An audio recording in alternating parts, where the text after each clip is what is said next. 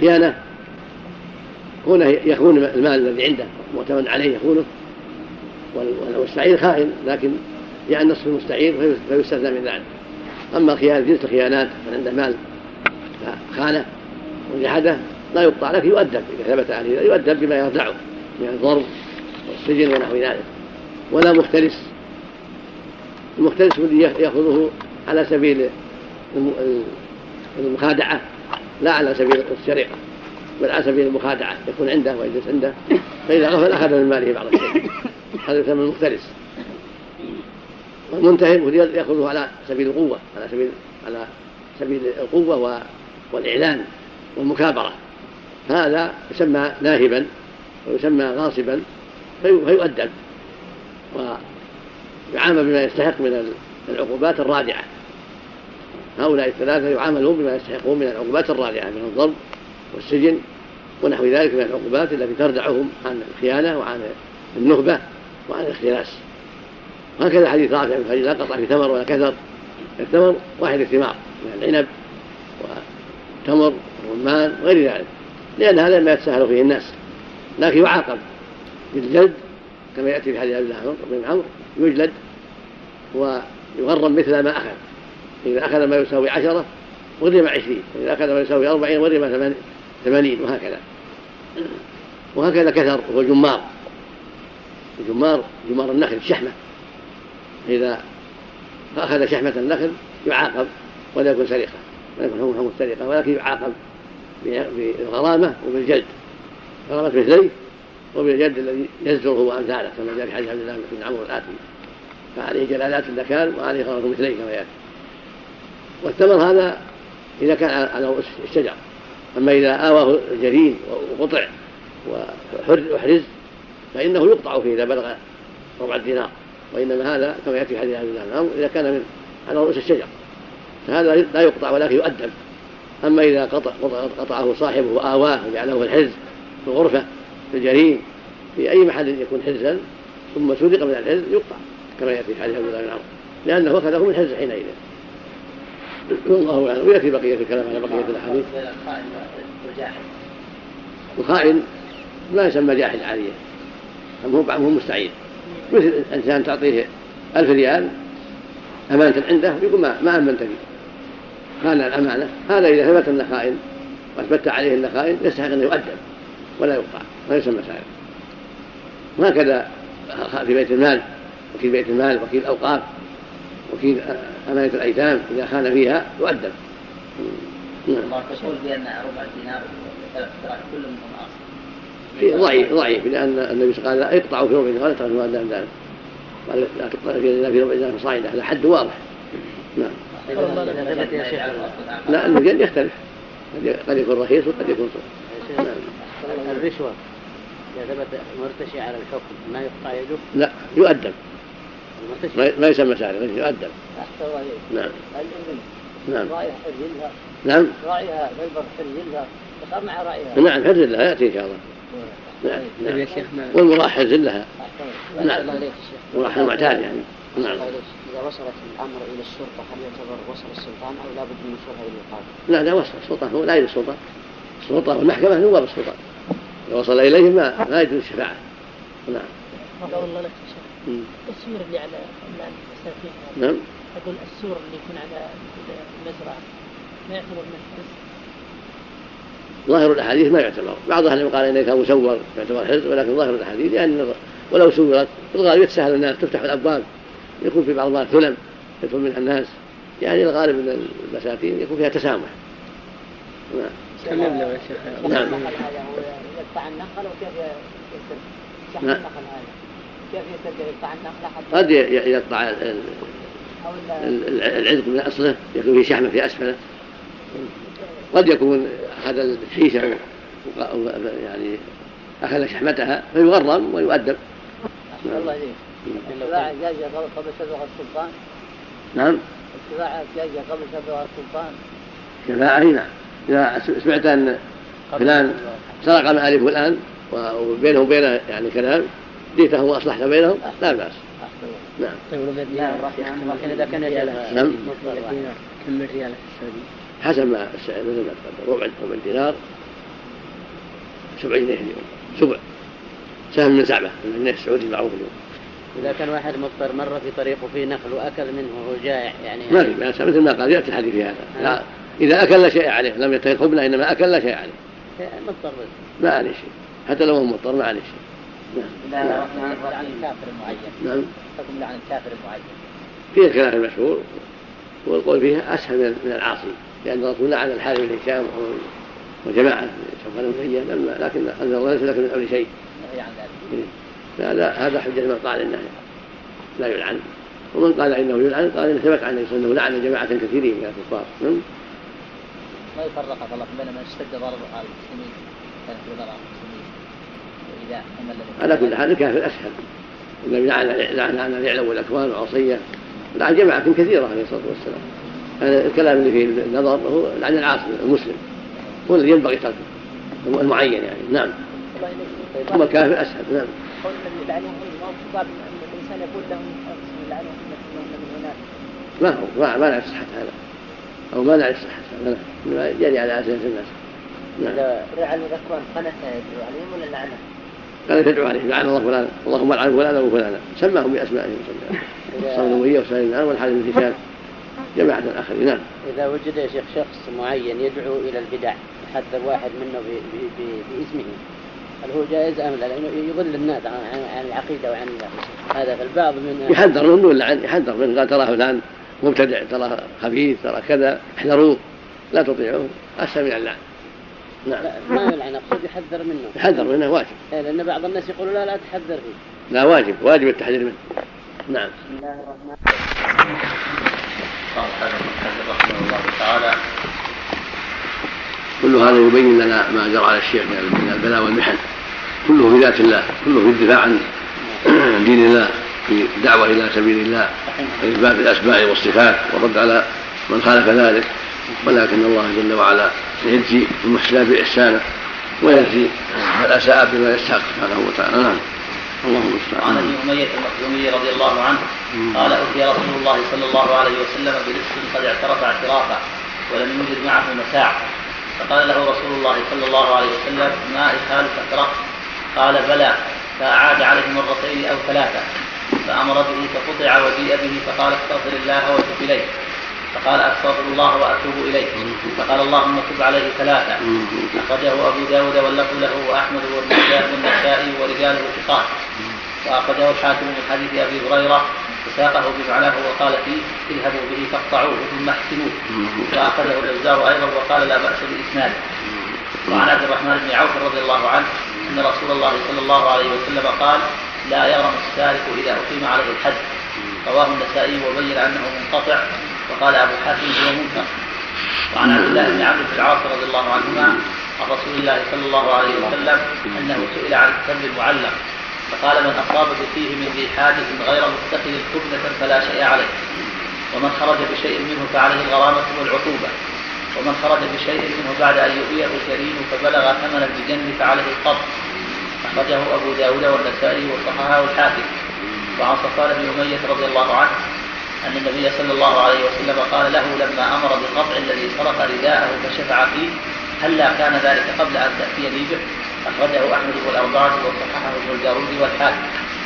وعن جابر رضي الله عنه قال جيء بسارق إلى النبي صلى الله عليه وسلم فقال اقتلوه. فقالوا يا رسول الله إنما سرق. قال اقطعوه فقطع. ثم جيء ثم جيء به الثانية فقال اقتلوه فذكر مثله. ثم جيء به الثالثة فذكر مثله. ثم جيء به الرابعة كذلك. ثم جيء به الخامسة فقال أقتلوه. أخرجه أبو داود والنسائي واستنكره وأخذ من حديث الحارث بن حاطب نحوه وذكر الشافعي أن القتل في الخامسة منسوخ. بسم الله الرحمن الرحيم. صل وسلم على رسول الله صلى الله عليه وسلم. أما بعد هذه الأحاديث خمسة كلها تتعلق بحد السرقة. في هذا الحديث الأول حديث أبي أمية المخزومي أنه جاء إلى النبي صلى والسارق قد اعترف اعترافا. ولم يجد معه متاع. كأنه أظهر التوبة والندم وليس معه متاع ولم تكن إتباعه بشهود وإنما هو باعتراف فقال له النبي صلى الله عليه وسلم ذلك ما ما يخالك سرقت ما أظنك سرقت. وعاد عليه مرة ثلاثة فقال بلى قد سرقت. وهذا مثل ما قال لمالك فإن التائب الذي يأتي تائبا نادما ينبغي ويشرع أن يلقن ما يجعله لا يستمر في إقراره ويكتفي بالتوبة. ومن تاب تاب الله عليه. لكنه صمم وأصر بأنه قد سرق مثل ما صمم ماعز حتى أقيم عليه الحد. والغامدية والدهانية فأمر به النبي صلى الله عليه وسلم أن يقطع ويحسم وهذا جاء من حديث أبي أمية ومن حديث أبي هريرة. والحديث لا بأس بإسناده كما قال الحافظ فهو دليل على أن المقر يقطع بإقراره إذا لم ينزع ولم يرجع عن إقراره. واختلف العلماء هل تكفي مرة أو لا بد من إقرار مرتين. على قولين الجمهور على أنه يكفي مرة واحدة متى أقر مرة واحدة كفى. فيقطع ويغرم المال ما لم يرجع عن إقراره.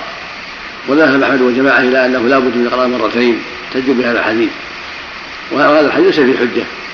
فإن فيه إنما هو تثبت من النبي صلى الله عليه وسلم حتى اعترف وصر على الإقرار. ولو كان المقصود تكرار تكرار الإقرار لكان من الأليق أن يقال ثلاثا لأن الراوي شك قال مرتين أو ثلاثة.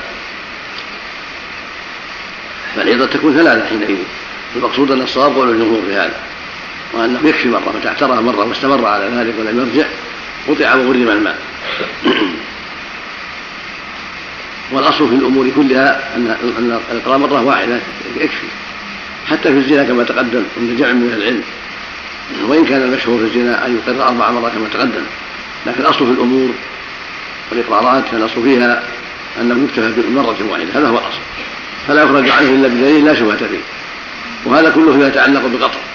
فأما ثبوت المال يثبت باقرار مرة واحدة بلا شبهة. وهكذا يثبت شاهد واحد.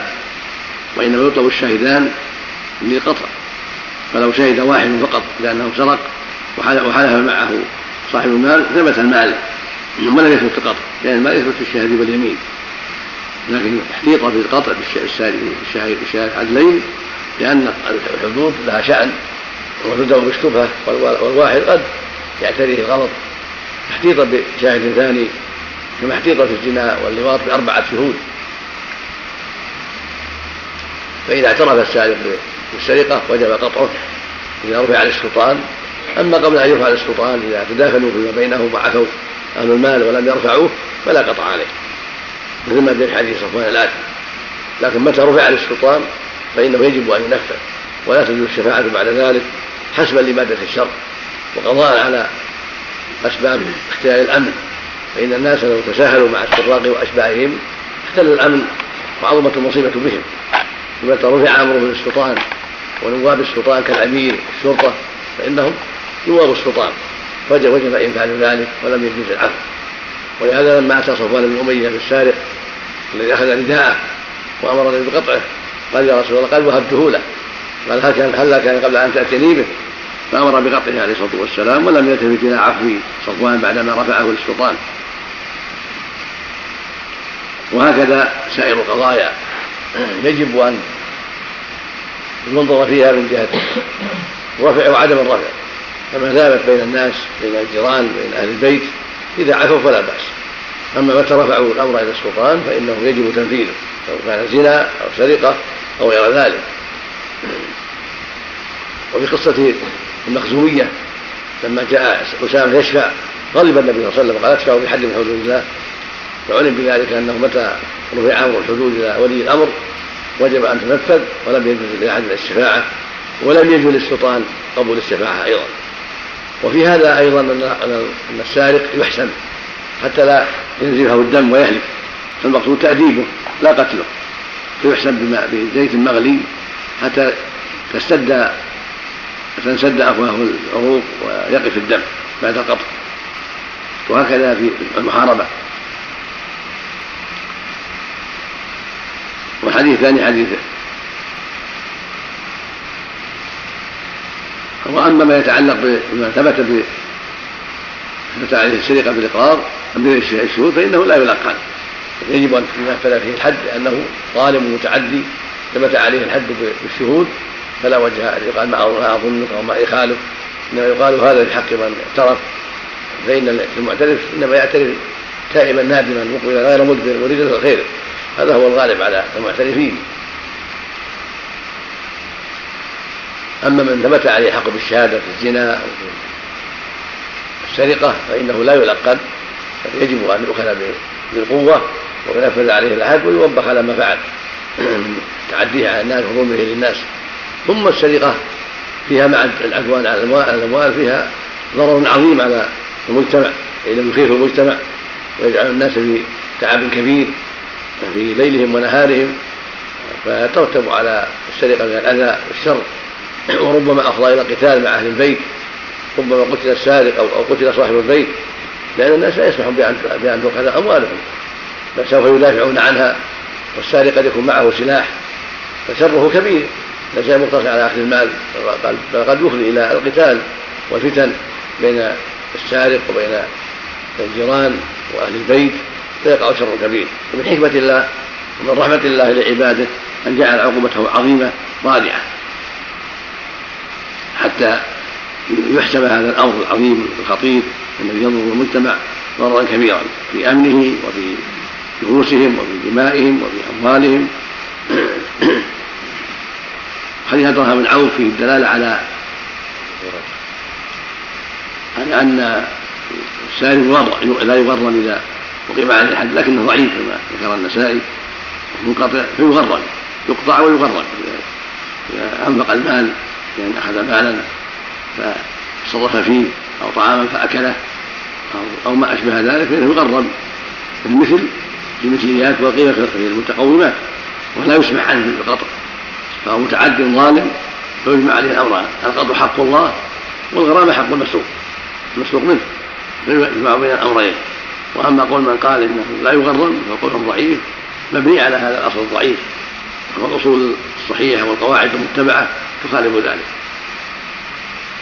وحديث صفوان تقدم الكلام عليه وأنه إذا سرق الإنسان من نائم ما هو تحت رأسه أو هو فراش له فإنه يقطع لأنه حرز نومه عليه وتوسده له حرز له. فإذا سرق منه وسادته أو سرق منه ما تحته. أو سرق منه لحافة فإنه يقطع بهذا الشيء إذا اعترف به وقال به بين. ولو عفا بعد ذلك لا تقبل لا يقبل العفو في إسقاط الحد كما جرى لصفوان. ويستدل بذلك على أن نوم الإنسان على شيء أو توسده للشيء أو لحافه للشيء تلحفه للشيء عز له فأخذه منه. طالب له متعدد عليه وسارق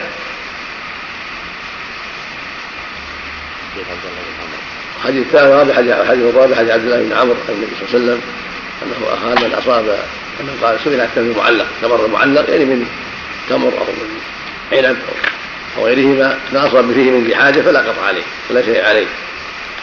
لأن الإنسان قد يحتاج إلى هذا الشيء قد يتوق نفسه قد يكون جائعا فمن رحمة الله يعفى عن هذا الشيء لأنه شيء يسير. وان خرج بشيء منه فعليه العقوبة والغرامة ولهذا قال متخذ الخبنة والخبنة ما يضمه إليه في ثوبه أو في جيبه أو في إنائه يمنع من ذلك. إنما يعفى عما أكل في نفسه عند وقوفه على الثمر أما ما أخذه خرج به فإنه يحاسب عليه ويعاقب عليه ويغرم وفي رواية النسائي وأحمد جماعة يغرم مثليه. فإذا أخذ كيلو يقرر كيلوين وإذا أخذ وزنا يقرر وزنتين وهكذا. عقوبة للسارق خاصة لظلمه وعدوانه وإخافته أهل البيوت وإخلاله بالأمن. فليس مثل الناس الآخرين الذين ينهبون أو يغصبون هؤلاء يغرمون المثل. لكن هذا عنده ظلم زائد وشر زائد وهو السارق. ومن حكمة الله أن شرع أن يغرم مثليه. يكون أعظم في ردعه مع مع الجلد والعقوبة. أما من أخذ بشيء شيء منه بعد بعد أن يؤله الجليل فهذا عليه قطع إذا بلغ المأخوذ النصاب وهو ثمن الجلد وهو ربع الدينار. في رواية النسائي ومن خرج ومن أخذ دون دون ذلك يعني دون النصاب فعليه القطع فعليه غرامة مثليه والعقوبة. فإذا أخذ دون النصاب عوقب بالجلدات والتأديب وعوقب بالغرامة مثليه وهذا هو الصواب في هذه المسألة. أن السارق إذا أخذ ما لا يوجب القطع والربا مثل ذلك والربا مثل ما أخذ مع العقوبة الراجعة بالجلد والسجن ونحو ذلك. ولما أخذ غلمان حاطب بعض اللحم من الإبل وذبحوها وأكلوها قربه قربه عمر مثلي قيمتها.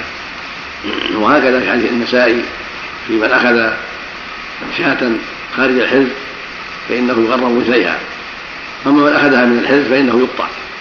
فعلم بذلك أن من أخذ الحزب من أخذ من الحزب ما يبلغ النصاب قطع. وما متى اختل ذلك فلم يبلغ النصاب أو لم يكن هناك حزا فإنه يغرم مثليه ويعاقب بعقوبة غير القطع. عند اختلال شرط القطع. بأن كان من غير حرز أو كان أقل من النصاب فإنه لا يقطع ولكن يغرم مثلي المأخوذ مع زيادات نكالا تأديبا وتحذيرا من العود إلى مثل هذا. أما حديث جابر والأخير فيدل على أن السارق تقطع أربعه ويقتل في الخامسة لكن مداره على مصعب بن ثابت ولا يحتج به. وهكذا رواية حارث بن حاطب لا تصلح للاحتجاج. ولهذا ذهب جمهور أهل العلم إلى أنه لا يقتل ولكن يقطع في الأولى والثانية ويحبس حتى يتوب. فإذا سرق سرق السرقة الأولى قطعت يمينه والسرقة الثانية تقطع يمينه اليسرى. ثم بعد ذلك يحبس ويؤدب بغير قطع. هذا هو الذي تقتضي الأدلة الشرعية وهو الذي رآه علي رضي الله عنه.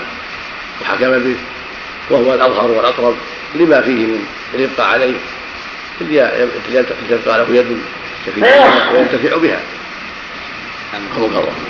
ذهب قوم من العلم وعن الصديق وعن عمر وجماعة من العلم أنها تقطع أربعة.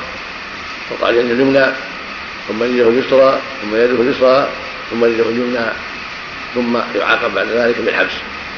والعياذ بالله ولا حول ولا قوة إلا بالله.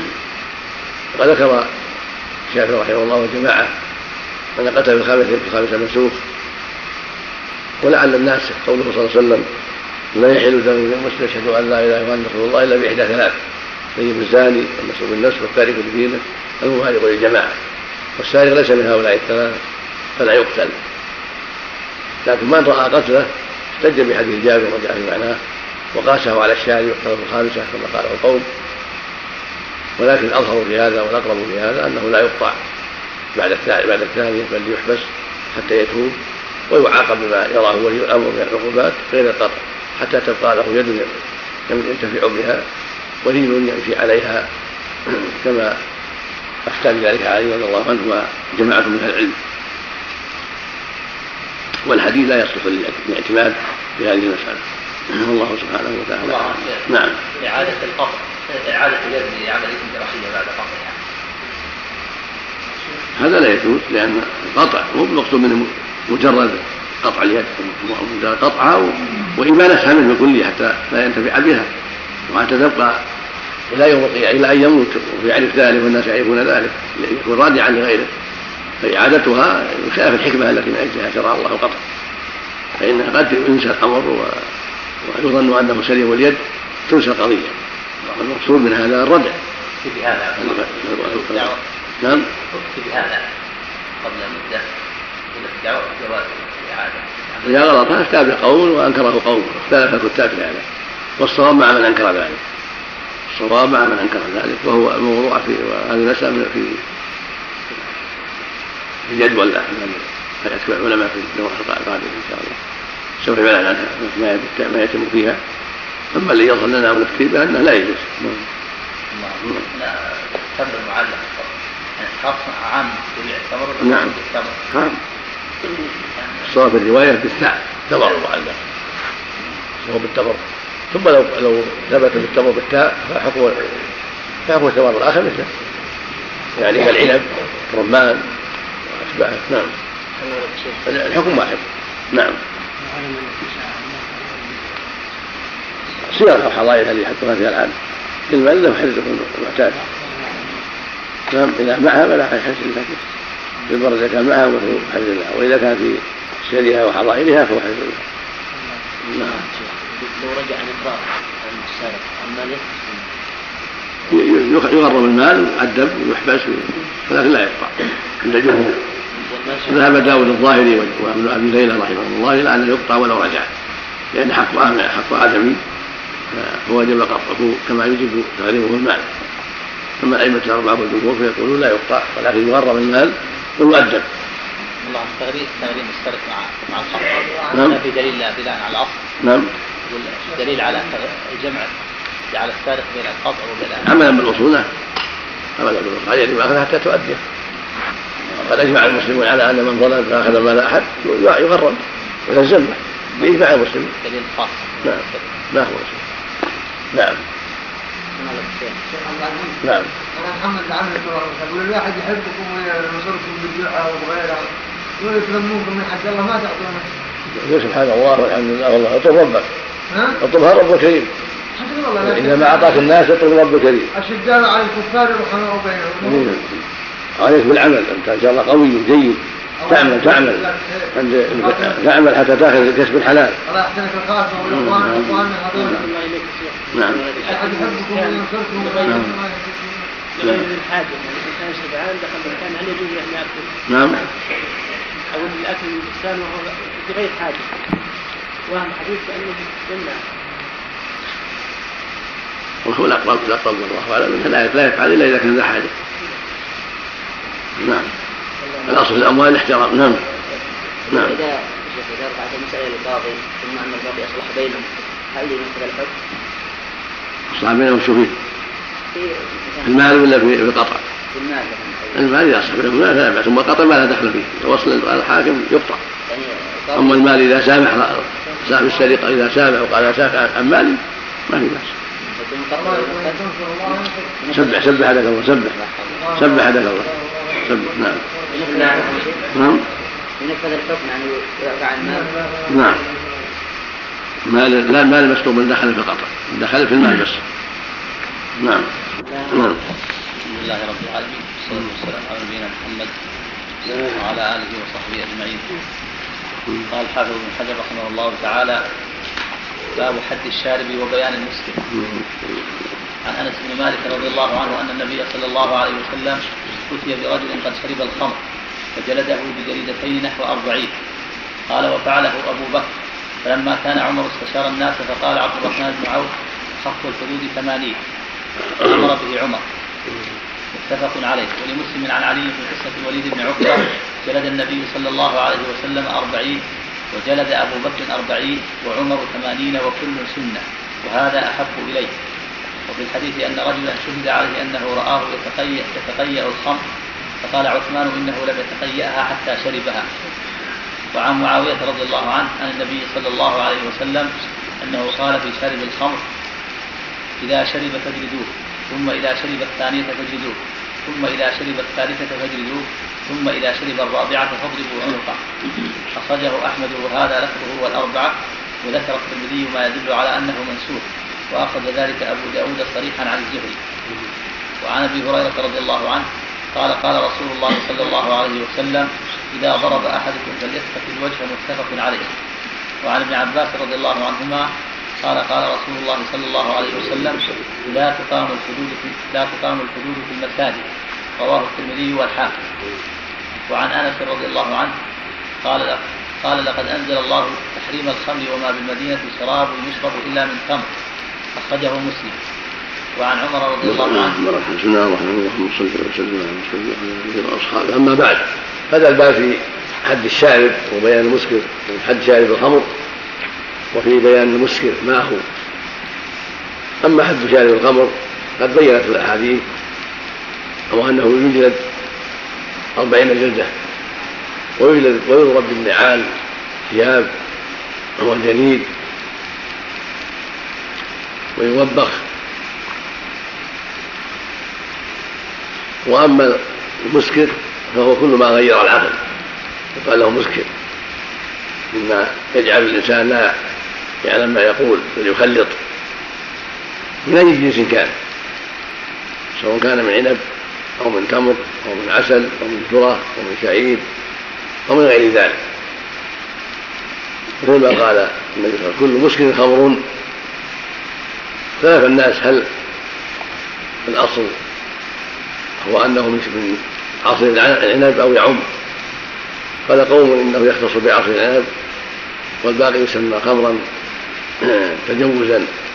والصواب أن الخمر في لغة العرب وفي الإسلام كل ما أسكر مطلقا ولا يختص بالعنب كما يأتي في حديث أنس الحديث السادس أن حين نزلت عليهم الخمر ما كان عندهم إلا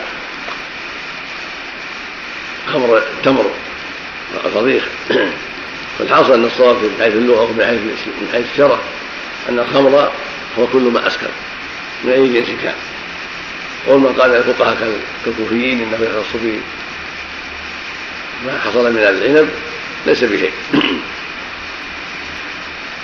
الحديث الأول حديث انس رضي الله عنه انه اتي بشارب فجلاده في 42 وهكذا في عهد الصديق فلما كان عمر استشار الناس الحديث هذا يدل على أن الشارب يجلد وله حد. ليردعه عن هذا البلاء لأن تعاطي المسكرات فيه من الضرر والفساد على الشارب وعلى المجتمع ما لا يحصيه إلا الله سبحانه وتعالى. وكانت العرب تعظم الخمر وتتعاطاها وتنشد بها الأشعار. حتى حرمها الله عز وجل في المدينة بعدما مضى زمن طويل من الهجرة. لما فيها من الفساد العظيم والشر الكبير. وكان الشارب يضرب بالجليد ويضرب بالثياب ويضرب بالنعال كما جاء في حديث أبي هريرة وغيره. ثم استقر الأمر فيه في حياته صلى الله عليه وسلم على ضربه بالجليد ثم في حياه الصديق ضربه بالجليد نحو أربعين. ثم إن الحال في زمن عمر اشتدت لما فتح الله الفتوح وكثر المسلمون في الشام والعراق. كتب خالد إلى عمر إن الناس قد استهانوا بالعقوبة. فشاور عمر رضي الله عنه الناس في ذلك فقال عبد الرحمن أخاف الحدود ثمانون الحدود المقدره حيث الجلد ثمانون كحد قاذف فانه أخف من حد الزنا 100 جلدة. فجعله عمر ثمانين ردعا للناس. والسبب في هذا أنه صلى الله عليه وسلم لم يحدد به حدا جازما لا يزاد عليه بدليل أنه صلى الله عليه وسلم أمر بضربه بالنعال من غير تحديد وبالثياب وبالجري غير تحديد. لكن أحصوا الجلدات كما قال أنس نحو أربعين فعلم عمر أن الزيادة في هذا وأن رفع العقوبة في هذا أمر لا حرج فيه. وهكذا قال علي في خمر في حد الخمر النبي صلى الله عليه وسلم لم يسنه يعني حدا لا يزاد عليه بل هو أشبه بالتعزيز. فلهذا وافق علي على ما قال عمر وافق عثمان.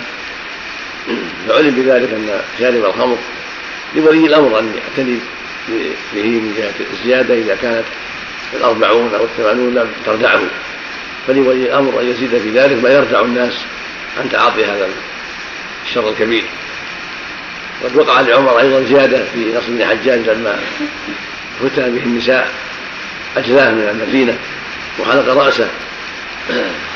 الحاصل أن هذا أن هذا المنكر ليس مثل ليس حده مثل حد الزنا أو حد السرقه بل بل حده أن يردع بما يردعه ويعاقب بما يردعه.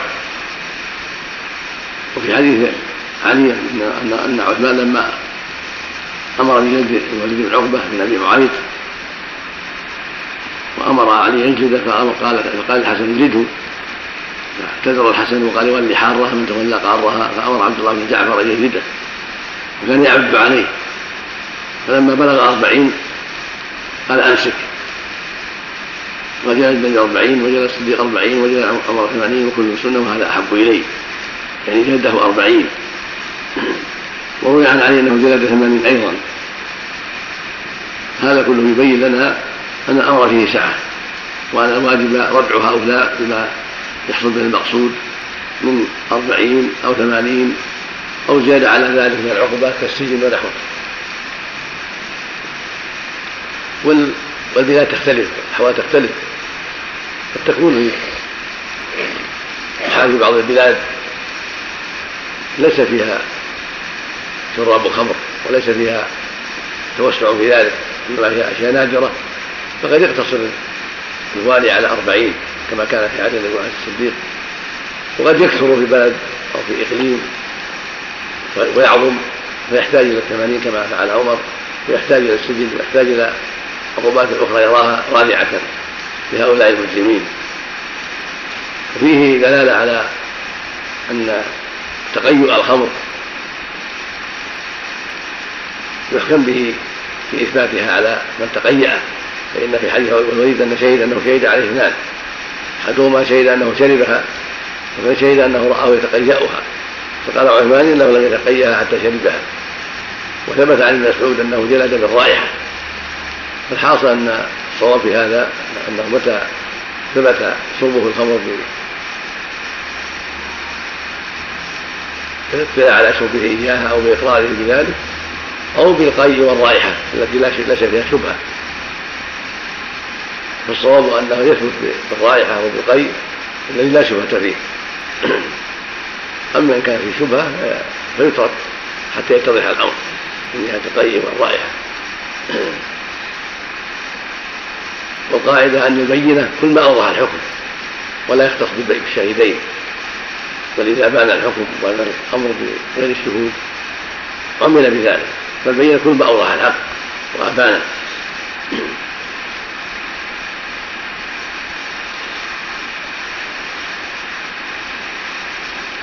حديث الحديث حديث معاوية رضي الله عنه النبي صلى الله عليه وسلم قال إذا شرب فجدوه ثم إذا شرب فجدوه إذا شرب فجدوه ثم إذا شرب الرابع فاقتلوه.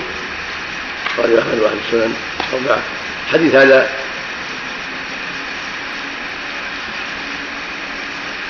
حديث جيد اسناد وله شواهد من حديث أبي هريرة وحديث ابن عمر وغيرهما. فهو دليل على أن الشارب يكرر عليه الحد. وأنه يقتل في الرابعة. وجاء في بعض الروايات أنه يقتل في الخامسة. لكن في الرابعة أثبت.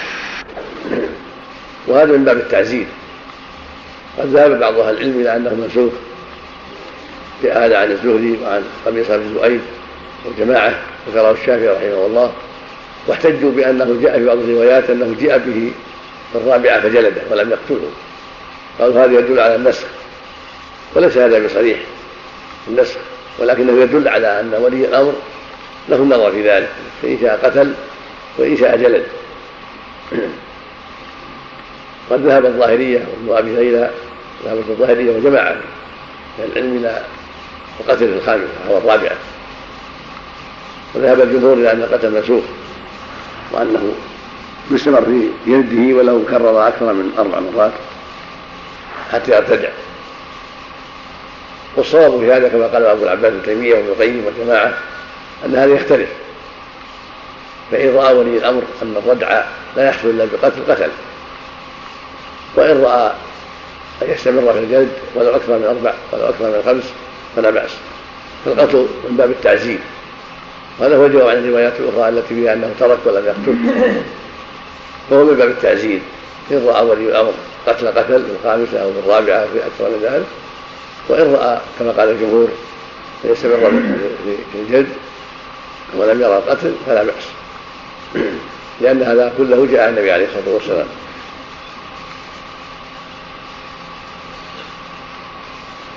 حديث الرابع حديث أبي هريرة. يقول صلى الله عليه وسلم ضرب أحد فيتقي الوجه. هذا يدل على تحريم في الوجه. وهذا يعم الحدود والتعزيرات والبهيمة والإنسان. فلا يضرب في الوجه لا بهيمة ولا إنسان. ولا لا في حد ولا في غيره. بل وجه التقى. ولعل الحكمة في ذلك والله أعلم أنه وجه الإنسان وجه الحيوان وأن الضرب يؤثر اثرا كثيرا. وربما أفضى إلى الموت. ثم الشيء في الوجه له شأن كبير بخلاف الشيء في الظهر أو في الجنب فإنه أسهل يستر. أما هذا لا يستر ما فيه فالمصيبة به كبيرة. ومن رحمة الله عز وجل أن نهى عن الضرب في الوجه لأنه لا يتحمل ولأنه شيء لا لا يستطاع إخفاؤه. فلا يجوز لولي الأمر الضرب في الوجه لا في الحد ولا في غيره. وهكذا المقاتل. تلحق بالوجه. المواضع التي يعرف أن الضرب فيها يقتل. فلا يضرب فيها. يضرب الظهر في الفخذين. واشباه ذلك حتى يحصل الردع من دون تسبب القتل. واختلفوا في الرأس هل يضرب في راسه أم لا. والأقرب والله أنه لا معنى من الضرب في الرأس إذا كان لا خطر فيه. لكن أو ضرب خفيف من باب التخفيف والتعزيز لكن الضرب الذي له اثر وله يخشى منه لا يكون إلا في المواضع التي ليس فيها خطر.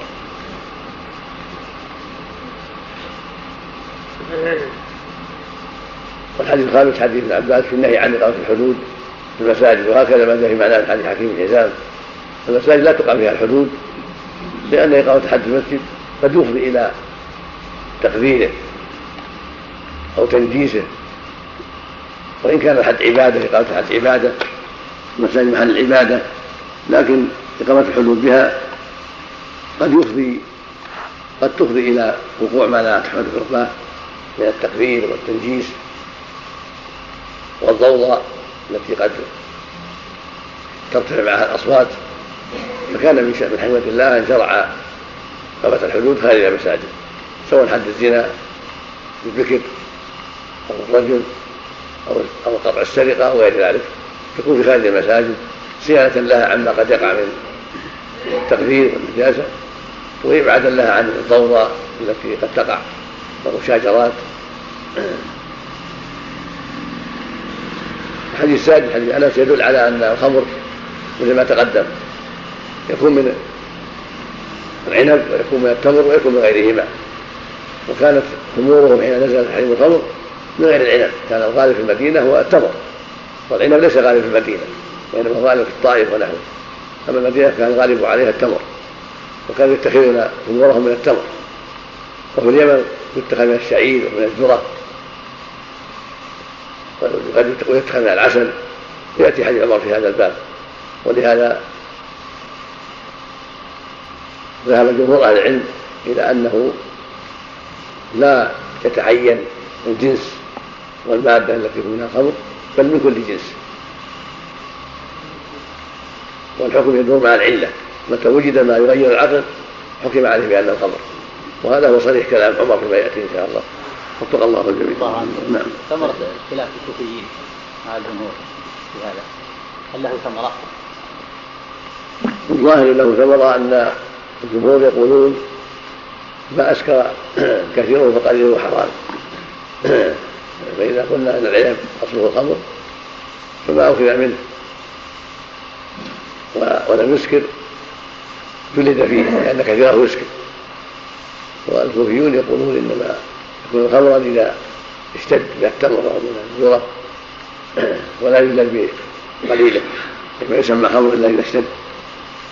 خلاف العنب يحتاج إلى تحقيق يحتاج الموضوع إلى تحقيق. لكن هذا هو ما يتباتر من الفرق بينهما. وإلا فلا يمكن أن الكوفيين يقولون فيما إذا اشتد وقذف الزبد من التمر أو من العسل من لا يسمى خمرا كانوا كانوا قالوا هذا فهذا مكابرة نعم. لكن لعله فيما هو أقل من مما يسكر يعني فإن ما أسكر كثيره قليل حرام لا ما بينه النبي صلى الله عليه وسلم. القول بأن هو يحتاج الحقيقة إلى مراجعة كتب الحنفية لتحرير لتحرير الفرق. في هذا السبب. نعم. هل هل الفرق بينهم مجرد قليل ما يسكر كثيره أو هناك فرق آخر يعني في عدم الحكم على من شرب من ما اسكر من التمر والعسل ونحو ذلك وأن يكون تعزير أنهم ما يحكمون عليه. هذا محل محل نظر. نعم. نعم. بالنسبة لغير العنب تثبت بعض بعض كلام الكوفيين بانه إذا شرب غير المسكر عنب لا لا شيء عليه إذا لم يسكر إذا شرب قليلا من غير عنب. هذا هذا له وجه مثل ما تقدم. ولكن قول ان ما اسكر في قليل الحرام هذا واضح في منع هذا القول إبطاله. لكن اخشى هناك فرقا آخر. لابد يراجع كلام الحنفية راجع إن شاء الله. نعم. في حديث يا شيخ. نعم. من شرب الخمر لم تقبل له صلاة أربعين صباحا فإن تاب تاب الله عليه. فإن عاد وشربها لم تقبل له صلاة أربعين صباحا فإن تاب تاب الله عليه. فإن عاد وشربها لم تقبل له صلاة أربعين صباحا فإن تاب تاب الله عليه. فإن عاد وشربها لم تقبل له صلاة أربعين صباحا فإن تاب لم يتب الله عليه.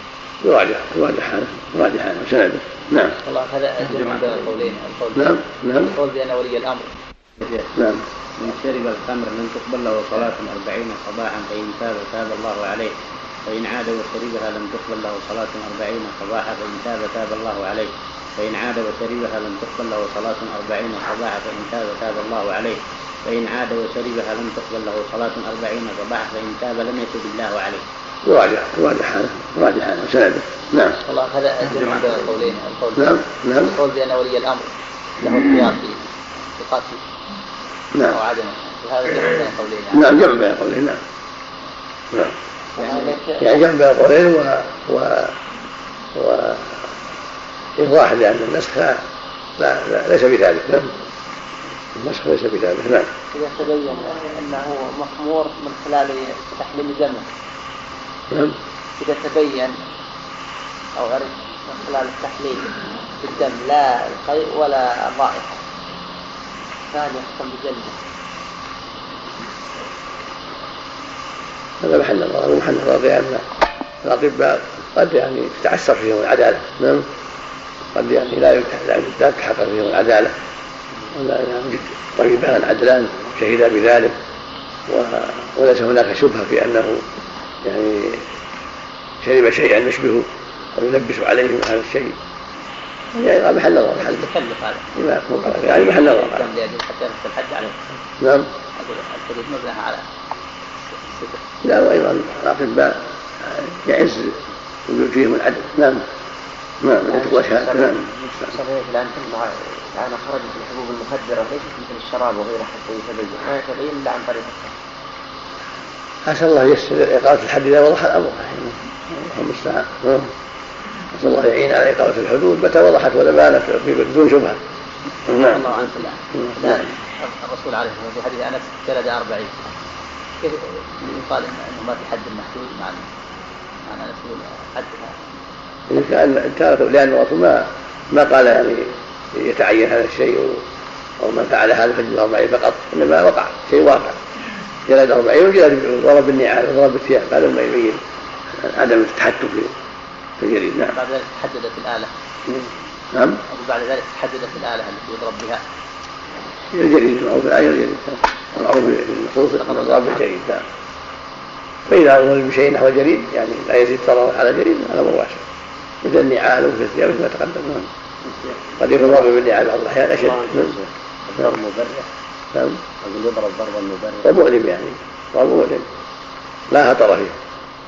ضرب يؤلمه لا خطر فيه. نعم. ما نعرف له أصل إلا إذا عرف أنه يعني من من جنس الجديد أو الغالب ولا في الاصل منع. نعم. نعم. الحديث لم يتب الله وليس هذا من باب الوعيد يعني من صح الخبر من باب الوعيد؟ من باب الوعيد أن صح الخبر. هم معناه انه يقطع بها عدم التوبه من باب الوعيد مثل من اتى كذا فله النار نعم نعم. إذا شمت منه رائحة الخمر تكفي جلد بينة في في خلاف لكن هذا الصواب إذا شهد بها شاهدان نعم. يعني ولي الأمر شم الرائحة مثلا. سمعوا نعم. اللهم صل على بسم الله الرحمن الرحيم. الحمد لله رب العالمين والصلاة والسلام على نبينا محمد. قال حافظ بن حجر رحمه الله تعالى وعن عمر رضي الله عنه قال نزل تحريم الخمر وهي من خمسة. من العنب والتمر والعسل والحنطة والشعير والخمر ما خامر العقل متفق عليه. وعن ابن عمر رضي الله عنهما أن النبي صلى الله عليه وسلم قال كل مسكر خمر وكل مسكر حرام. مسلم. كل مسلم كل مسكر خمر وكل- وكل مسكر حرام. نعم. أخرجه مسلم. وعن جابر رضي الله عنه أن رسول الله صلى الله عليه وسلم قال ما أسكر كثيره فقليله حرام. أخرجه أحمد والأربعة وصححه ابن حبان. وعن ابن عباس رضي الله عنهما قال كان رسول الله صلى الله عليه وسلم ينبل له الزبيب في السقاء فيشربه يومه والغد وبعد الغد. فإذا كان مساء الثالثة شربه وسقاه فإن فضل شيء أحراقه أخرج أخرجه مسلم. وعن أم سلمة رضي الله عنها عن النبي صلى الله عليه وسلم قال إن الله لم يجعل شفاء فيما حرم عليكم. أخرجه البيهقي وصححه ابن وعن وائل الحضرمي أن طارق بن سويد رضي الله عنه سأل النبي صلى الله عليه وسلم عن الخمر يصنعها للدواء فقال إنها ليست بداء ولكن نعم. إنها ليست بدواء ولكنها داء. أخرجه مسلم وأبو داود وغيرهما. صلى بسم الله الرحمن الرحيم. اللهم صل وسلم على رسول الله وعلى آله وأصحابه. أما بعد هذه الأحاديث الستة كلها تتعلق بالخمر. قدم جملة من الأحاديث في ذلك وهذا حديث عمر رضي الله عنه. يقول رضي الله عنه لما خطب الناس وحذرهم من الخمر قال وهي من خمسة من العنب والعسل والتمر والحنطة والشعير. قال والخمر ما خمر العقل. تقدم لنا أن الصواب من كلام أئمة اللغة أن كل ما اسكر فهو خمر من العنب أو غيره. وهنا يؤيد وقول عمر يؤيد ذلك وأنه لا يختص بالعنب وكل ما اسكر يسمى خمرا وإن كان بغير العنب. قد يكون بهذه الخمسة كما قال عمر يعني أنها تكون في الغالب من هذه الخمسة.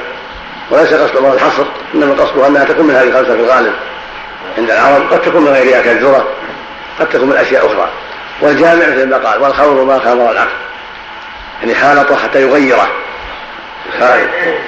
فالخمر فيها الستر فيها التغطية فيها المخالطة. فهي تغير العقل وتخالطه وتستره حتى لا يعي ولا يفهم. فما كان بهذه المثابة فهو خمر من أي جنس كان. فالواجب تركه والحذر منه وإقامة الحج على من تعاطاه. والله جل وعلا حرمها لما فيها من المفاسد الكثيرة. فإن صاحبها قد يقع في أقبح الكبائر قد يقع في الشرك قد يقع في القتل. قد يقع في الزنا رحمك الله قد يقع في غير ذلك في أسباب زوال العقل. وذكروا عن قيس بن عاصم الصحابي الجليل ان كان في الجاهلية لا يشربها. ويقول كيف أرضى لنفسي أن أكون مجنونا وأنا عاقل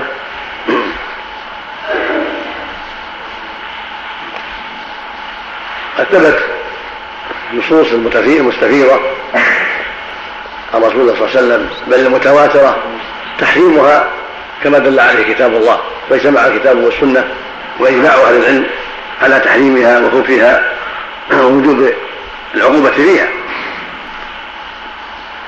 والحديث الثاني حديث عبد الله بن عمر كل مسكر خمر وكل مسكر حرام. هذا من جوامع الكلم كل مسكر خمر وكل مسكر حرام. رواه مسلم. الله أعطى نبيه جوامع الكلم وهذا من جوامع الكلم هكذا يقول حديث عائشة عند الشيخين حديث عائشة كل شراب اسكر فهو حرام. كل شراب اسكر فهو حرام. ولكن كل مسكر خمر أجمع يعني يعم الشراب ويعم الطعام ويعم غير ذلك. روى أحمد وأبو داود وجماعة عن ابن عباس رضي الله تعالى عنهما. أن النبي عليه الصلاة والسلام قال إن الله حرم الخمر والميسر والكوبة وكل مسكر حرام. قال الراوي والكوبة الطبع والميسر هو القمار كما هو معلوم.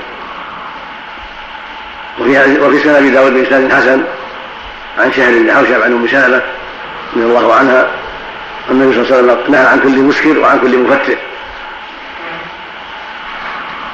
فما يحصل به تغيير العقل ورخاوة الأعضاء وفجورها ينهى عنه لما فيه من الفساد. وما غير العقل فهو الخمر. وما أرخى وأضعف فهو المفتر. فيجب على المؤمن الحذر من كل ما يضره ويسبب عليه رخاوة في أعضائه وعطلا في أعضائه لأن ذلك يضره عاجلا وآجلا. وهكذا كل ما يضره من انواع الضرر الآخر كان يضر عينه يضر سمعه يضر قلبه يضر منعه كل شيء يضره يجب عليه كلامه لقوله صلى الله عليه وسلم لا ضرر ولا ضرار المسلم يتجنب ما يضره مطلقا من أكل أو شرب أو شم أو غير هذا من أنواع الضرر. لكن ما كان طريقه الاسكار هو الخمر والحديث الثالث حديث جابر النبي صلى الله عليه وسلم قال ما اسكر كثير فقليل حرام في الوقت الآخر ما اسكر فرق منه فمن كثير حرام هذا من باب أيضا جوامع الكلم. لأن الناس قد يلتبس عليهم الأمر قد يشكون في بعض الأشياء. فجعل النبي صلى الله عليه وسلم هذه القاعدة تمنع من تعاطي ما قد يضرهم وهم لا يشعرون.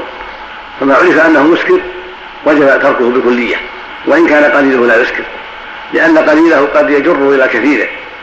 فإذا تعاطى القليل ثم تعاطى القليل جره إلى كثير. وكان من حكمة الشارع بل من حكمة الله سبحانه وتعالى أن سد الباب وحسن المادة حتى لا يتعاطى ما يضر العبد ويوقعه في الخمر وهو لا يشعر. كل ما عرف أنه يسكر وجب تركه وإن كان قليلا لا يسكر رحمك الله. من هذا باب الدخان؟ فإن الدخان فيه أضرار كثيرة. تخدير وتفتير عند فقده وتخدير وتفتير عند تعاطيه إذا أكثر منه أو طلع عليه الأمد. وجزم بعض الفقهاء بأنه قد يسكره إسكارا واضحا عند طول المدة. إذا تأخره كثيرا من المتعاطاة أسكره. وقد حدثني بعض من لا أتهم ممن رأى شخصا تأخر عنه شرب الدخان ثم شربه وهو على مطية فسقط ما تمالك أن يثبت على على ناقته. المقصود أنه علاوة على ما فيه من التخدير والتفكير والإسكار في بعض الأحيان ففيه أضرار كثيرة. حتى قال بعض الأطباء إن أضراره تربو على أضرار الخمر فيجب ولهذا الصحيح عند أهل العلم الذين أدركوه تحريمه. ومن قال بكراهته فقد غلط لأنه ما عرف مضرته. ولهذا جزم جمع من أهل العلم الذين ادركوه في القرن العاشر وما بعده بأنه محرم. ولم يشتهر ولم يعرف إلا في القرن العاشر وما بعده. وهكذا الحشيشة التي يأكلونها وتسكر وتزيد على الاسكار التخنيف. يبتلى صاحبه بالتخنث. والتأنث والميل إلى النساء. مع ما فيها من الاسكار فهي محرمة وفيها الحد.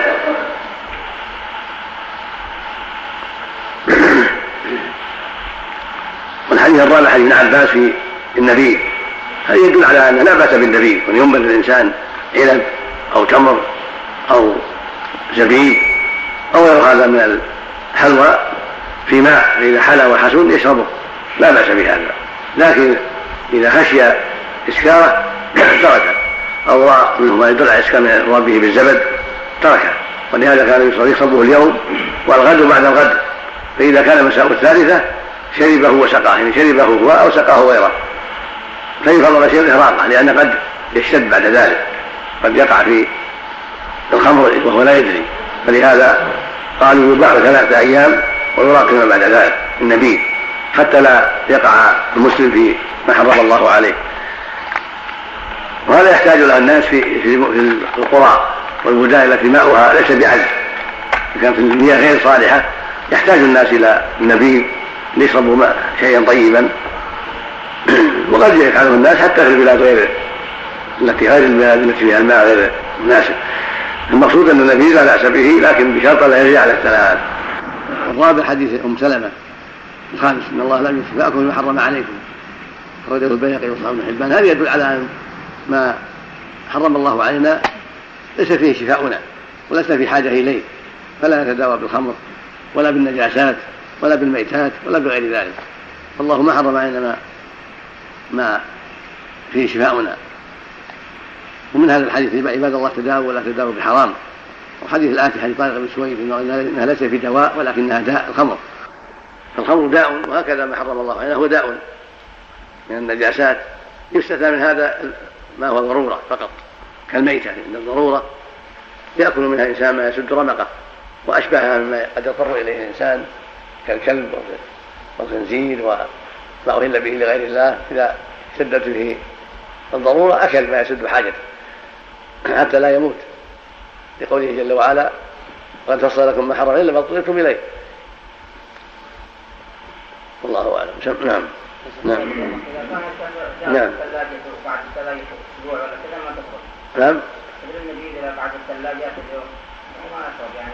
ولو ولو. نعم بعد ثلاث يطرش المدخن ما دام قرر في الشارع لا, لا نتجاوزه نعم حكم الصلاة وراء المدخن إذا جعل إماما نعم.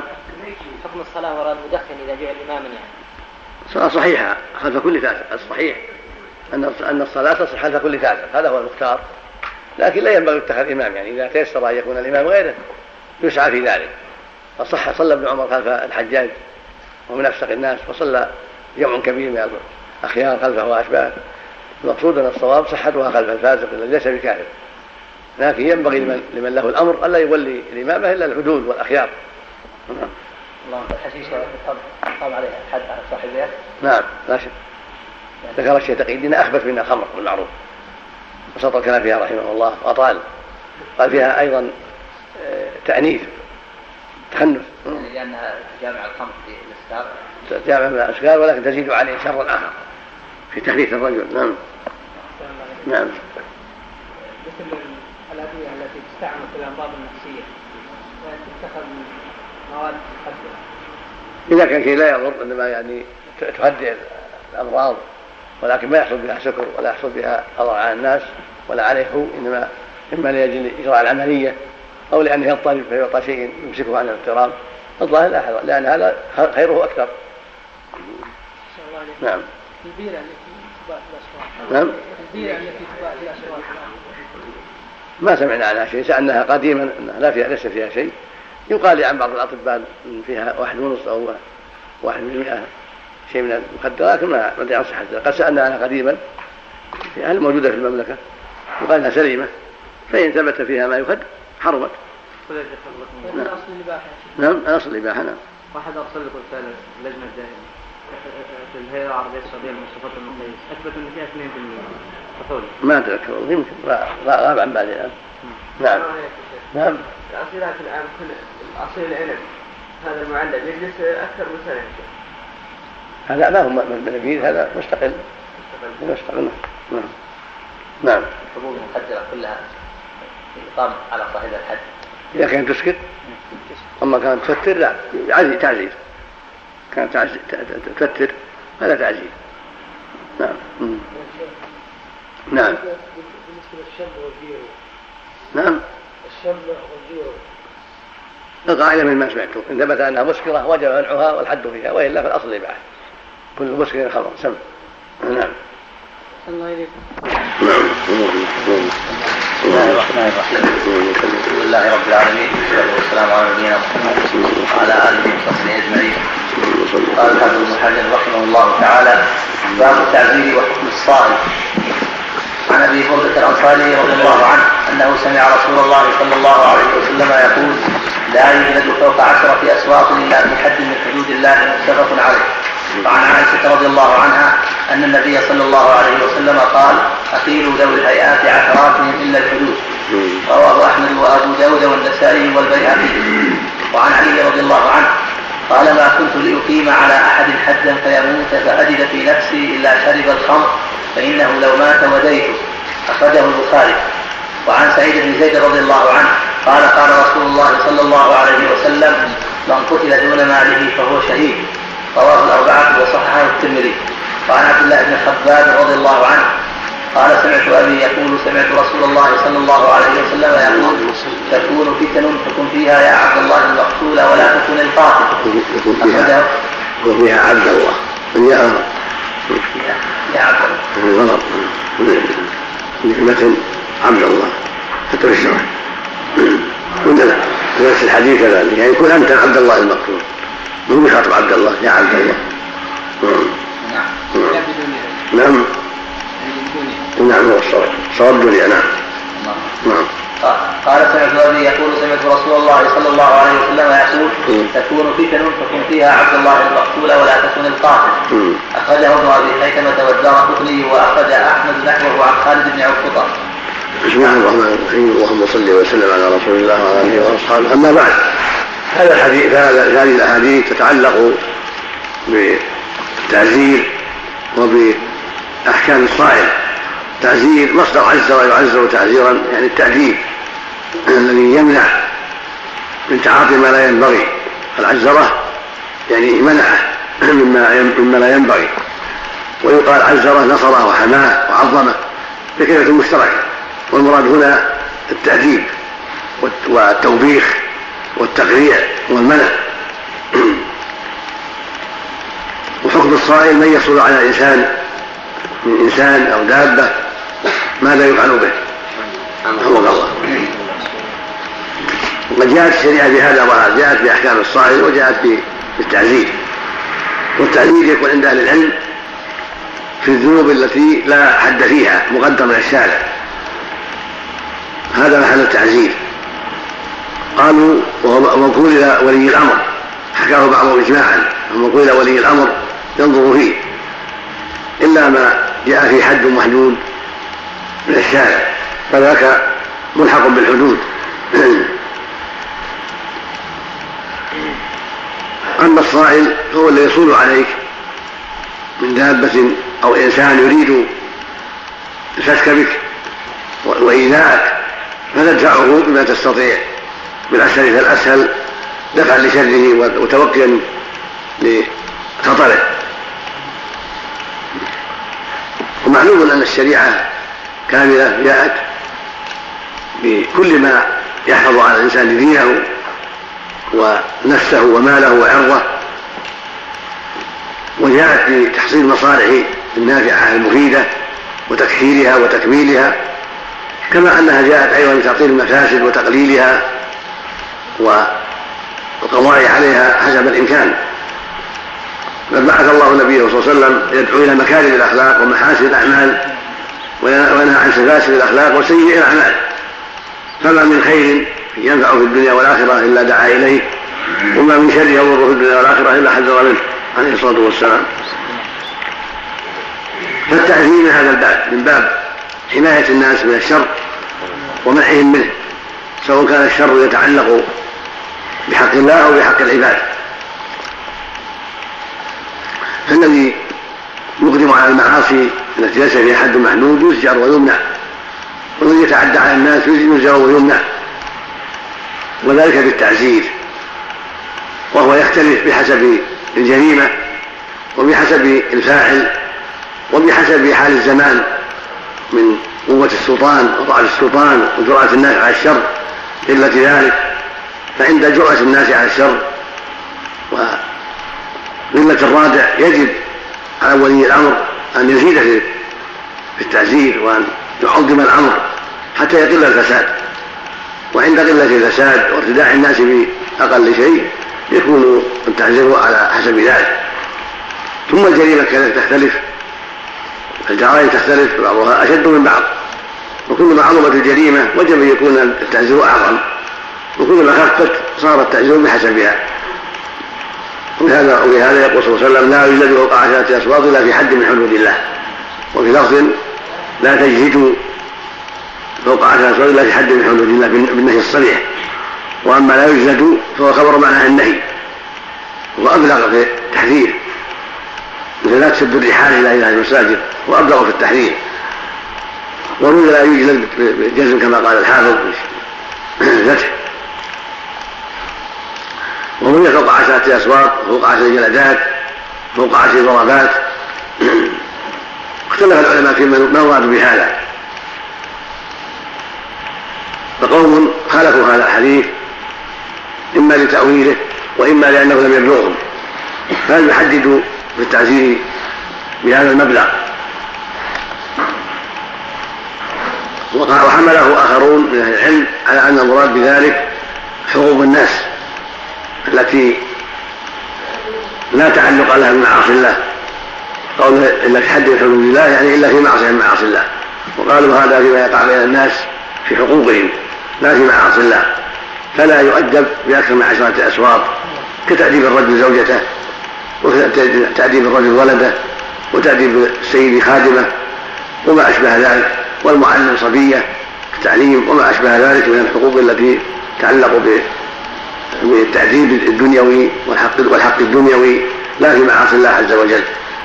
وهذا قول أقرب هذه الأقوال وأظهرها وهو الذي اختاره أبو العباس بن تيمية وابن القيم رحمة الله عليهم. لأن الرسول قال إلا في حد من حدود الله والحد يطلق على المقدر حد الزنا والسرقة ويطلق على المعاصي نفسها يقال حد ويطلق على الفروض المقدرة يقال حد. قال الله تعالى تلك حدود الله فلا تعتدوها. هذه فرائض معينة. قال تلك حدود الله فلا تقربوها للمعاصي من بعدها لكونها محرمة. فما كان من المعاصي وما كان من حقوق الله هذا لا حد له. بل يؤدبه ولي الأمر بما يرى وإن كان فوق عشرة أسواق لأن الحد من حدود الله. أما ما كان من حقك مع ولدك مع زوجتك مع خادمك فيكون الحد عشرة أسواق وأقل. وهذا أظهرها وأبينها وأرجحها وأقربها. ومما يدل على هذا أن الرسول صلى الله عليه وسلم أمر الذي أمر بجلد الذي أتى جارية امرأته لأنها حلتها له أمر بجلد مئة جلدة على سبيل التعزير وعمر جلد مئة وكرر ذلك في حق من نقش على خاتمه لما في هذا من العدوان والغش والخيانة. وعلي جلد بعشرين لمن أكل في رمضان. وغير هذا من الوقائع التي وقعت من الصحابة كل هذا يدل على أنه يختلف التعزير وأنه يزيد يزاد في هذا العشر إذا كان في حق الله سبحانه وتعالى. فأحسن ما حمل عليه الحديث أنه فيما يتعلق بحق المخلوق على المخلوق. لأنه قال إلا في حد من حدود الله فدل ذلك على أن هذا فيما يتعلق بحق المخلوقين. وعلى هذا لا يرد عليه شيء. والحديث الثاني حديث عائشة رضي الله عنها النبي صلى الله عليه وسلم قال أقيلوا ذوي الحسرات من الحدود. رواه أحمد وأبو داود والنسائي والبيهقي. سكت عنه المؤلف. فظاهره أنه حسن عنده. وقد صرح بذلك فيما نقل عنه. ورد على من قال إنه موضوع. ورد على من ضعفه واختلف العلماء في هذا الحديث. منهم من قال إنه موضوع. ومنهم من قال إنه ضعيف. لأنه يدور على عبد الملك بن زيد بن سعيد بن زيد. بن عمرو بن نفيل العدوي جده أحد العشرة. فضعفه قوم وحسن حاله آخرون منهم النسائي فإنه حسن حاله وكذلك تابعه ابن حبان وجعله في الثقات. وظاهر على المؤلف في التقريب وهنا ما يدل على التوثيق لأنه قال قال النسائي لا بأس به فسكت على قول النسائي. وهنا سكت ولم يتعقبه بتضعيف فدل ذلك على أنه حسن عنده وذكر المناوي أن له شواهد فهو من باب الحسن. والمعنى واضح. تكلم عن ابن القيم رحمه الله إما في الإعلام وإما في المدائح مما يدل على أنه صالح للاحتجاج وأن معناه غير مخالف لقواعد الشريعة. وذوي الهيئات هم ذوي الشأن من ذوي المروءات والعلم والفضل وال... والإمرة على الناس والولاية على الناس ممن قد يترتب على الدقة في حقهم وتعزيرهم في كل شيء قد يترتب على هذا فساد كبير في الأمة. فإذا وقعت منه الهفوة والزلة التي ليس فيها حد من حدود الله فينبغي أن يقال إذا رأى ولي الأمر ذلك حسبا لمادة الشر الذي قد يترتب على عقابه وإخفاء لهذه الزلة وعدم إظهار لها. لأنه من ذوي الهيئات إما أمير له شأن وإما قاض له شأن وإما علم له شأن وإما شيخ قبيلة له شأن وإما كبير في الناس. فإذا زل زلة تعتبر من صغائر الذنوب أو تعتبر نادرة قد تخفى عليه وقد يضطر إليها فينبغي لولي الأمر أن يقدر له ذلك وأن يعفو عنها وأن يخاطبه بما يليق بمقاله قال ويشهد لهذا قصة النبي مع عبد الله بن أبي. فإنه سامح معه كثيرا مع أنه رأس النفاق ويقع منه أشياء كثيرة ومع هذا سامح النبي صلى الله عليه وسلم فلم يجلده ولم يقتله. كل ذلك مراعاة لما قد يقع على لما قد يترتب على جلده أو حبسه أو قتله من الخطر الهيئات هم هؤلاء الذين يخشى من عقوباتهم على الشيء القليل الذي ليس يصل إلى الحد يخشى منه تركه فتنه ويراعى في ذلك أيضا ما لهم فيه ما لهم من المقامات العظيمة والجهود المشهورة في نصر الحق وتأييد الحق والقضاء على أسباب الفساد. هذا هو وجه هذا القول هذا الحديث عندما قال بصحته وهو حسن قول جيد والاقرب أنه لا بأس به لشواهده وموافقة معناه للقواعد والأصول. والحديث الثالث حديث علي رضي الله عنه عن النبي أنه قال ما كنت ليقيم على أحد حدا فيموت فأجد في نفسي إلا شارب الخمر فإنه لو مات وديته رواه البخاري. المؤلف سكت عن مسلم وكأنه لم لم لم يذكر مسلم عند كتب عند تقييده هنا. ونخرجه مسلم رحمه الله أيضا. وزاد مسلم لأنه لم يسنه. يعني لأن الرسول لم يحدده حدا يعني دقيقا مانعا من الزيادة. ودلوه يدل على أنه لم يسنه لم يحده أن الرسول صلى الله عليه وسلم أمر بأن يضرب بالجريد والنعال وأطراف الثياب وهذا لا ينطبق. هذا يدل على أنه من باب أنه أقرب إلى التعزير منه إلى الحدود المبتوتة. ولهذا قال علي في هذا فإنه لو مات فديته لأن الرسول صلى الله عليه وسلم يحدد حدا لا يزاد فيه ولا ينقص فيخشى أنه إذا مات أن يكون ضاربه قد زاد عليه. فلهذا رأى أنه يفدى خشية أن تكون هناك زيادة أوجبت موته. بخلاف الحدود فإنها محددة فإذا جلد مئة جلدة على وجه الشرعي ثم مات لا يضر. أو قطعت يده في السرقة القطع الشرعي ثم مات لا يضر لا لا أو حد قذف ثمانين جلدة كما شرع الله ثم مات ما يفدى. لكن شارب الخمر لم يكن فيه الحد يعني محددا ومبتوتا كما في هذه الأمور بل كان فيه شيء من التسامح. فلهذا ضرب بالجريد والنعال والثياب وجلد نحو نحو أربعين وزاد في عمر ثمانين لهذا المعنى. لأن عمر رأى أنه ليس ليس مبتوتا لا يزاد فيه ولا ينقص. فزاد فيه أربعين وزاد فيه الجلاء وحلق الرأس. وهكذا علي وافق عمر في هذا في هذا المعنى وأنه ليس مبتوتا بل لولي الأمر يزيد فيه. وعلى هذا يضمن لو مات احتياطا خشية أن تكون هناك زيادة سببت موته. وقال آخرون لا يضمن كسائر الحدود لأنه مأذون فيه شرعا فإذا مات والذي قام الحد عليه لم يفرط فلا ضمان. وهذا هو الأرجح. هذا هو الأرجح والأقرب لموافقة الأصول أنه لا ضمان. فإن ضمنه ولي الأمر اجتهادا منه كما اجتهاد عليه فلا بأس. وإلا في الأصل أنه لا ضمان. إذا جلد كما شرع ثمانين أو أربعين. لردع الناس عن الفسوق والشر فلا بأس بذلك. وهذا هو الأصل. حتى التعزيرات الصواب فيها أنها لا تضمن إذا تحرى ولي الأمر التعزير الشرعي الذي يردع عن الفساد فإنه لا يضمن لأنه مأذون فيه شرعا في الجملة والحديث الرابع حديث سعيد بن زيد بن عمرو بن نفيل العدوي بن عم عمر بن الخطاب رضي الله تعالى عنهما أحد العشرة مثل لهم بجنة يقول صلى الله عليه وسلم من قتل دون ماله فهو شهيد. هذا الحديث صحيح وجاء بألفاظ. هذا المعنى. من قتل دون دينه دون أهله دون دمه كلها حق. فمن قتل دون هذه الأشياء وصال عليه من صال فهو شهيد لأنه مظلوم. يعني في حكم في الحكم الظاهر. وأمره إلى الله سبحانه وتعالى في الحكم الظاهر هو شهيد لأنه مظلوم. كما المقتول في سبيل الله شهيد لأنه مظلوم من جهة الكفار. فهو شهيد لأنه قتل بغير حق. فيرجى له الخير وترجى له الجنة لأنه مظلوم ويرجى أن قتله يكون كفارة له سواء قتل عن دينه أو دمه أو ماله أو حريمه ويدل على هذا المعنى ما رواه مسلم الصحيح. عن أبي هريرة رضي الله عنه أن رجلا قال يا رسول الله الرجل يأتيني يريد مالي. قال لا تعطيه مالك. قال فإن قاتلني؟ قال فقاتله. قال فإن قتلني؟ قال فأنت شهيد. قال فإن قتلته؟ قال فهو في النار. هذا الحديث الصحيح يدل على أن الدفاع عن المال لا بأس به. المال له شأن وأنه إذا قتل على ذلك فهو شهيد لأنه مظلوم. قال العلماء ويجوز أن يدع الدفاع عن المال لأن النفس أغلى فإذا رأى يدع الباغي يأخذ المال ولا ولا يدافع فلا بأس. لا حرج عليه في ذلك لئلا يقتل لأن بعض الناس بعض قطاع الطريق وبعض السراق وبعض المنتهبين وبعض الظلمة لا يبالي بقتل النفس. عند أقل شيء يقتل. فإذا رأى أن المقام يقتضي ترك هذا معتدي يأخذ المال ولا يدافع فلا بأس.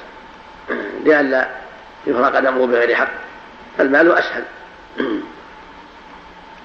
أما عن الحريم وعن الدين فيجب الدفاع. يجب الدفاع مهما استطاع لأن الواجب حماية الدين حماية الأعراض وحماية النفس إلا في الفتن كما يأتي. إذا كانت الفتنة فلا بأس أن لا يدافع عن نفسه. وعلى هذا حديث عبد الله بن حباب بن أردت المدني الزهري حديث بن زهرة. كان فيه عبد الله بن خباب هذا قيل له صحبة وله رؤية. وقال العجلي إنه تابع من ثقة. ويشعر أنه صحابي صغير. قال تكون فتن. أبو يروي عن أنه أنها تكون فتن تكون فيها عبد الله المقتول ولا تكون القاتل.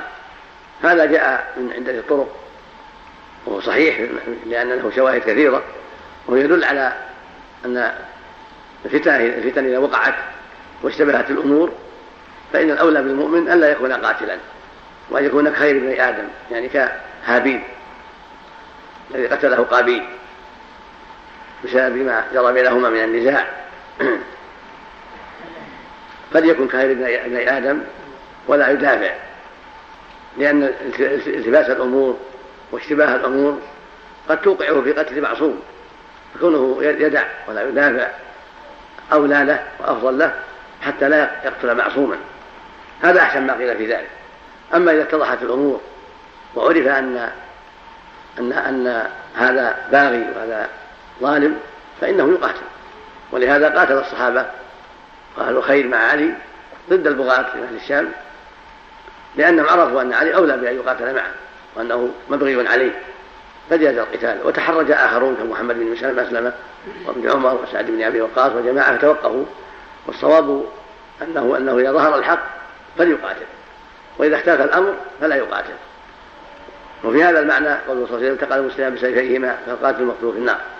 هذا عند ظهور الظلم والعدوان من بعضهما على بعض. هذا وعيد يعمهما أما إذا كان أحدهما باغيا والآخر عادلا فإنه يقاتل الباغي. وهكذا يقاتل الظالم لو اعتدى قوم على قوم. نصر نصر المعتدى عليه المظلومون كقطاع الطريق واشباههم ينصر المظلومون ويقاتل قطاع الطريق لأنهم ظالمون وإن كانوا مسلمين. فالخلاصة أن هذا الحديث وما جاء في معناه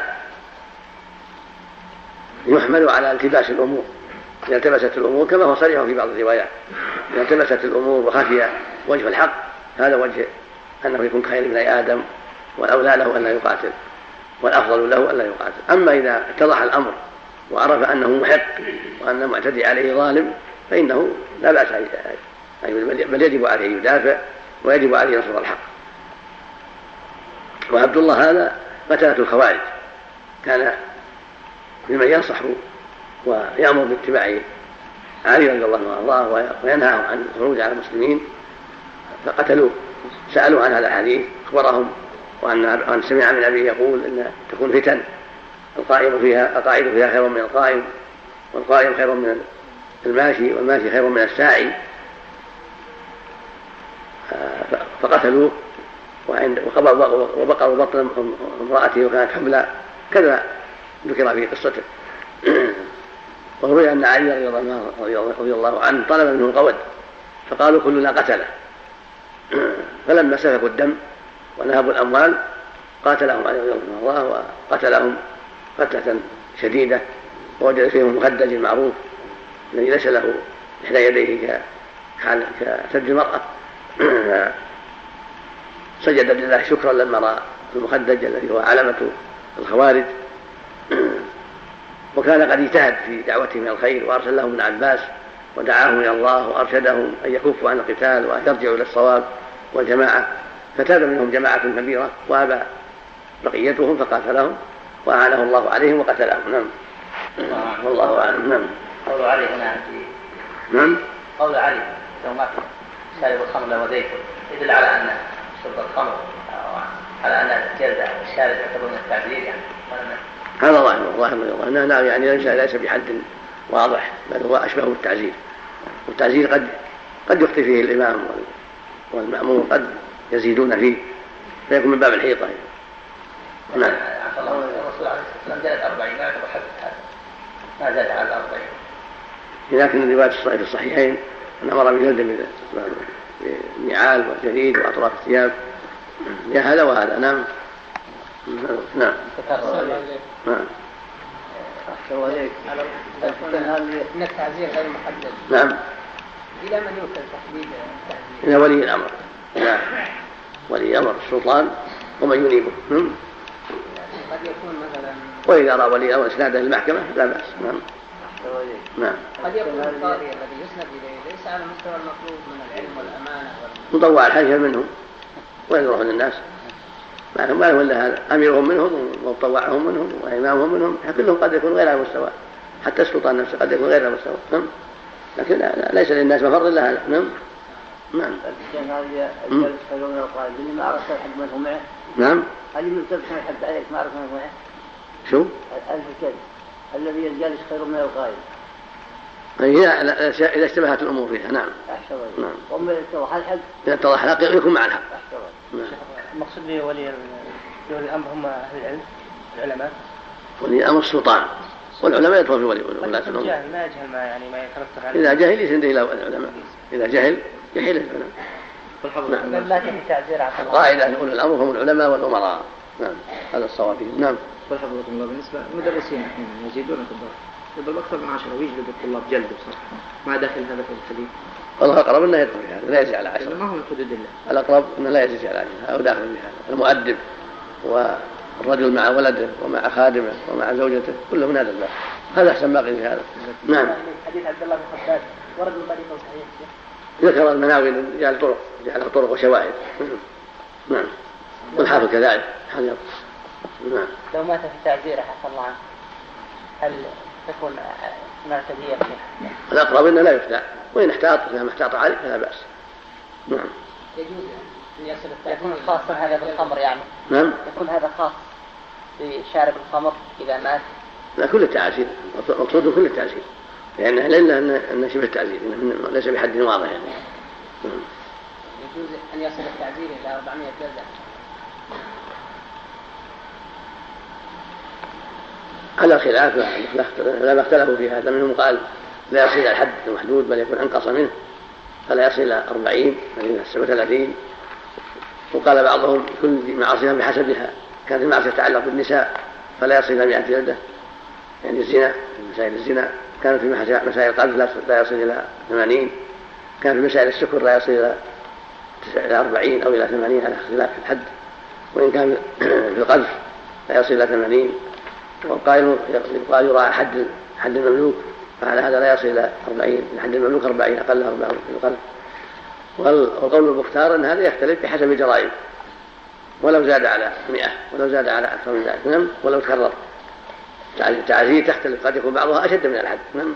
تجاوز الحدود إيه، نعم. تجاوز الحد. نعم. نعم. ولهذا جلد عمر مئة في النقش. نعم؟ نعم. نعم. وكرره عدة جمع. نعم نعم. الحمد لله رب العالمين والصلاة والسلام التعزير وما وذاك فهو أحوط ومن عليه شيء. إذا كان تحرى تحرى طاعة الله وتحرى منفعة المسلمين فلا بأس. نعم. نعم. والصلاة والسلام على نبينا محمد وعلى آله وصحبه أجمعين.